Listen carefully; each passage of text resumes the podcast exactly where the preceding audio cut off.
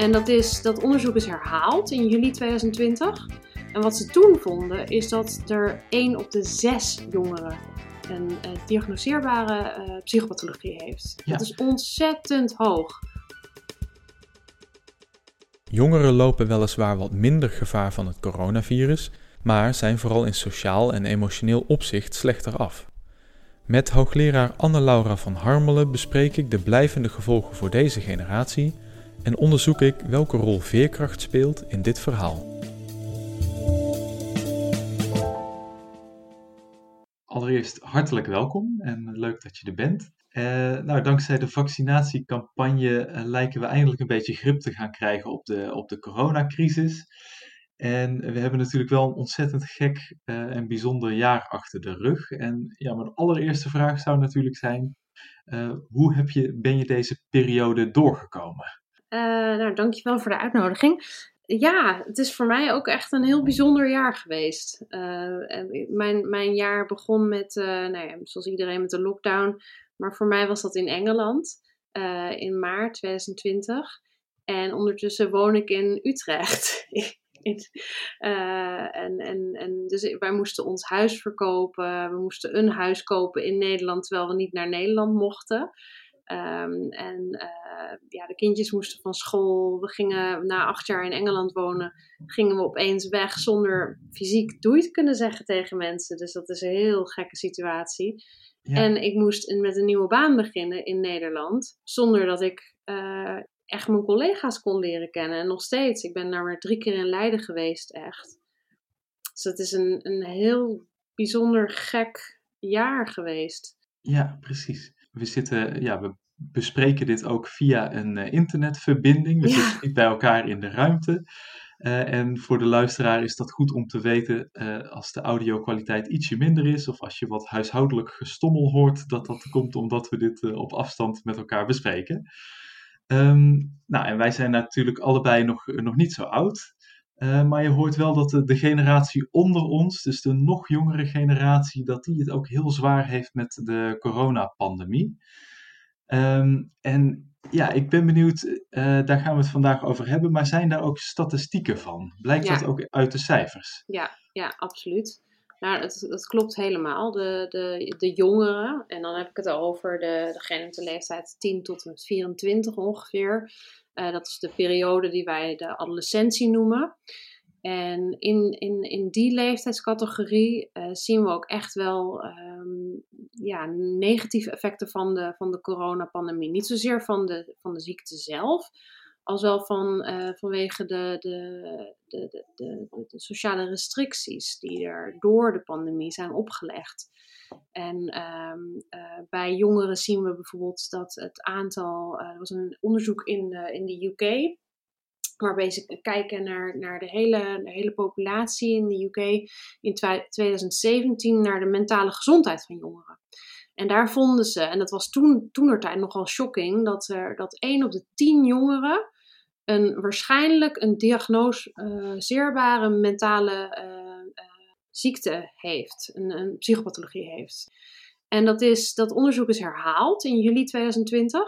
En wat ze toen vonden, is dat er 1 op de 6 jongeren een diagnoseer, diagnoseerbare psychopathologie heeft. Ja. Dat is ontzettend hoog. En de, dit, deze bevindingen zijn, zijn ehm, gevonden in de UK, maar we zien precies dezelfde soort van getallen in, de, in, in Nederland. Um, dan kijken we naar studies die echt goed hebben gekeken naar, hoe waren jongeren nou voor de pandemie en, en, en, en, en hoe hebben ze gereageerd tijdens de pandemie. En we zijn natuurlijk nu al een jaar verder, dus we kunnen ze meerdere malen volgen. En ik zelf heb bijvoorbeeld meegedaan aan onderzoek uh, geleid door de Universiteit Utrecht. Um, en daar uh, hebben we gekeken naar, naar jongeren uh, voor, tijdens en, en nu, tijdens de pandemie. En eigenlijk in het begin zagen we nog niet zo heel erg veel effecten. Vonden we dat uh, de, de, depressie of angstklachten nog niet echt toenamen. Maar gaven jongeren wel aan dat ze, hun kwaliteit van leven was, was, was lager. Ze, ze hadden het ja, minder leuk. Um, en, maar nu zien we in de laatste wave dat, uh, dat ook echt die depressie en angstklachten omhoog gaan gaan. De jongeren zijn het echt zat. En, maar er zijn ook positieve effecten gevonden in, in, in, onder jongeren. En wij vonden bijvoorbeeld dat, ehm, mhm. dat, dat jongeren beter sliepen. Dat ze, dat ze daar, en dat ze zich daardoor beter voelden, gezonder voelden. Dus dat is ook een, een hele gekke, um, nou ja, positieve bevinding. En dat we denken dat dat komt omdat jongeren, uh, een biologische klok van jongeren loopt net een beetje anders, loopt een beetje achter. Waardoor jongeren eigenlijk later naar bed moeten gaan en, en langer uit moeten slapen eigenlijk. Ze hebben nog een klein beetje ge, uh, anders ritme. En normaliter moeten ze vroeg uit en, en naar school gaan. Maar ja, nu hoefden ze niet meer naar school. Dus konden ze uitslapen en konden ze opeens hun, hun ritme aanpassen aan hun eigen biologische klok. En, uh, en, en dat had dus positieve effecten. Dus er zijn zeker negatieve effecten, maar ook wel positieve effecten van de coronapandemie. En als we nog eens even teruggaan naar die, eh, naar die meer negatieve kant van het verhaal, om wat voor klachten uh, gaat het dan vooral? Ja, uh, nou, zijn, uh, we hebben gekeken naar een heel aantal soorten klachten. ten eerste zijn uh, mentale gezondheidsproblemen, zoals eenzaamheid, wat enorm toegenomen is, somberheid, het ervaren van angst, je angstig voelen. angstig voelen voor jezelf, maar ook voor je familieleden. Dat is een, een, vorm van symptomen waar we, naar kijken. Dus er zijn eigenlijk allerlei soorten symptomen en, en negatieve mentale aspecten. En uh, ik, ik, neem aan dat je voor je werk ook wel eens echt uh, in contact staat met deze jongeren. Hè? Dus niet alleen misschien via een, een vragenlijst bijvoorbeeld, maar ook, maar ook wel in één op één gesprekken. Is dat zo? Dat is echt een hele goede vraag. Nou, ja, dat klopt. Uh, maar tot de coronapandemie, want toen moest ik mijn, mijn onderzoekslab sluiten in, in Cambridge. En op dit moment uh, heb ik, uh, ben ik eigenlijk bezig met het oprichten van een, van een jeugdpanel. Het, uh, hoe noemen ze uh, jonge wetenschappers. die we graag willen betrekken bij onderzoek. maar in die periode tussen, dus eigenlijk tijdens deze coronapandemie, heb ik zelf niet echt met jongeren gepraat, kunnen praten hierover. vanwege mijn verhuizing. Maar het is, het, is wel, het is wel ontzettend belangrijk. Dus we zijn er heel druk mee bezig. Maar we willen wel eerst zorgen dat we daar dan alle, alle goede toestemmingen voor hebben. Dus daar zijn we heel druk mee bezig. Daar heb ik een, een, eh, een team van studenten die dat eh, samen met mij doen. Mijn, uh, mijn outreach team noem ik ze. Ja, ja, mijn volgende vraag zou natuurlijk zijn van, kun je eens een, een voorbeeld noemen van een, misschien een respondent of een proefpersoon die heel erg duidelijk maakte voor deze grotere groep jongeren van wat, wat, ja, wat dat voor hem of haar nou uh, precies betekent in een, in een, dagelijkse basis. Nou, ik had net een gesprek met mijn, uh, met mijn outreach team, met mijn studenten. Want ik vroeg aan hen ook van, ja, joh, ik, uh, ik, ik, word zo geïnterviewd en ik wil eigenlijk meer dan alleen maar mijn eigen ervaringen kunnen delen. En Um, een van mijn studenten noemde een voorbeeld van, een, uh, van iemand die zij kent. Die, uh, die, die, dat was een jongere en die leefde echt voor voetbal en voor um, uh, ja, zijn sociale contacten. Dat was echt, hij was elke dag weg en elke dag met, met vrienden op pad. En opeens mocht het niet meer. En opeens was dat, was dat weg.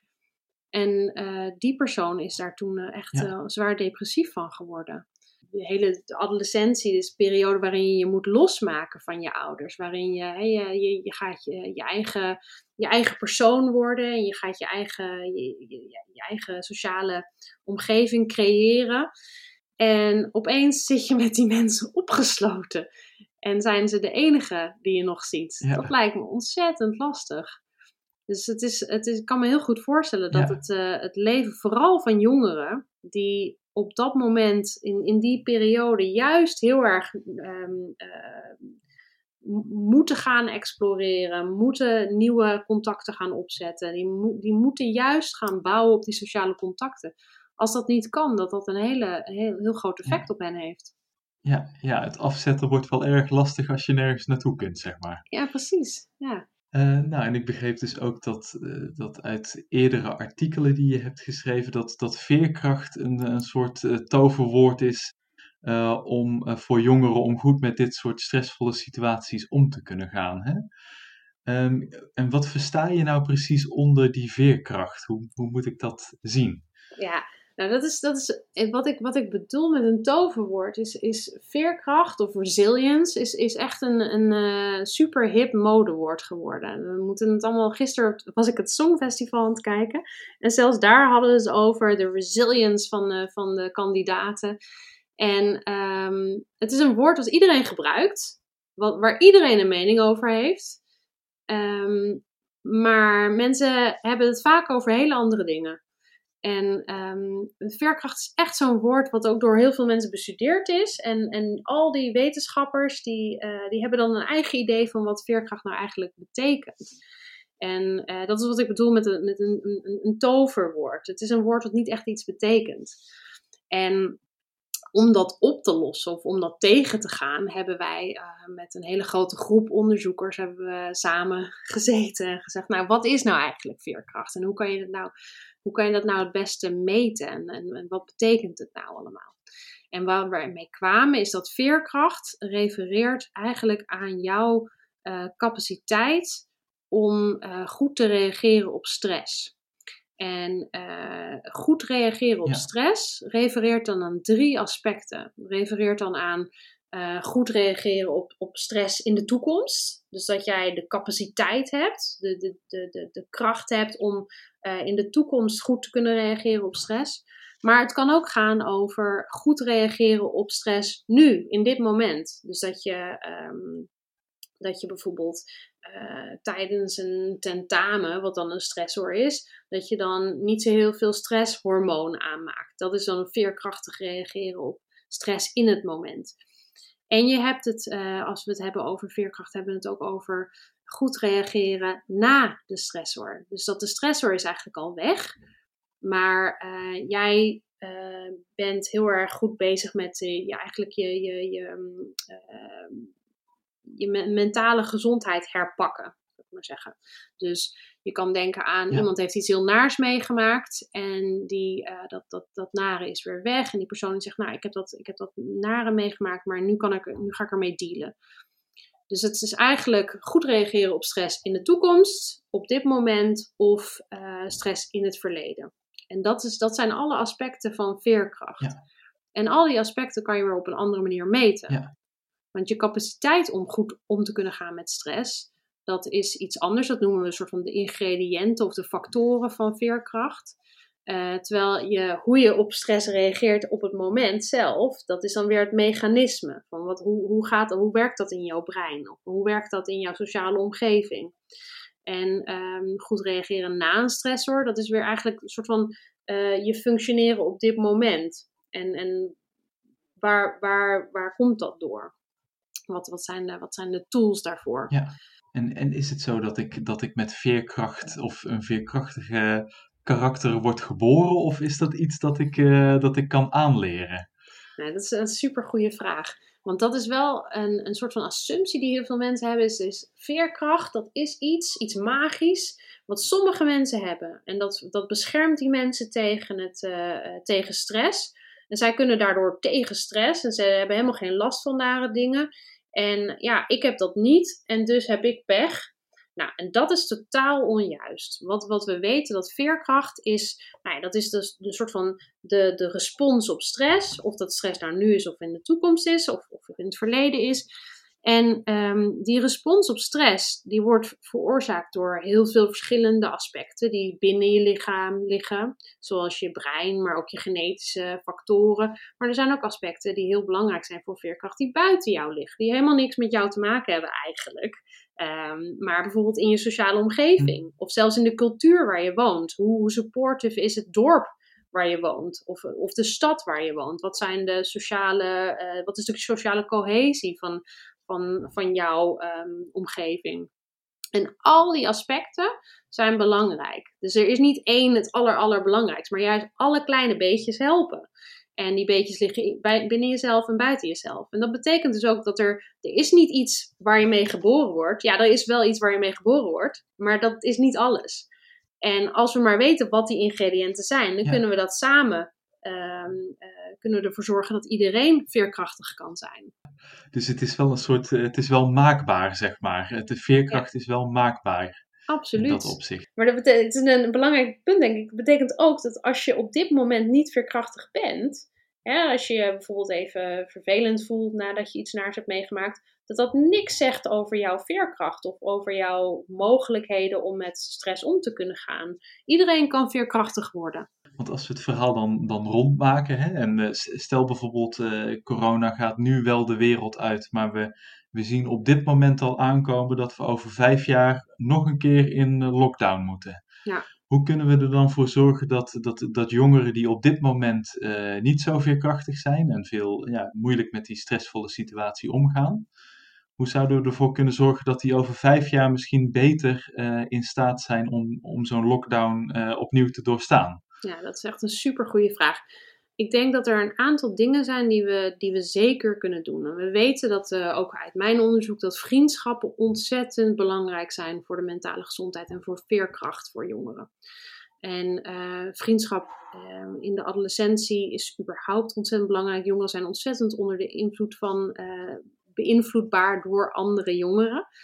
Dus het inzetten in het, het, het, onderhouden en het, um, het mogelijk maken van die sociale interacties onder jongeren, dat is, dat is echt iets wat wij kunnen faciliteren. En dat, uh, dat, dat kan offline, dat kan op het sportveld, door ervoor te zorgen dat jongeren wel mogen blijven sporten. Uh, misschien met een beetje afstand tussen elkaar, maar dat ze wel nog steeds weet je wel, naar buiten kunnen, dat ze elkaar kunnen opzoeken, dat ze die sociale contacten nog hebben.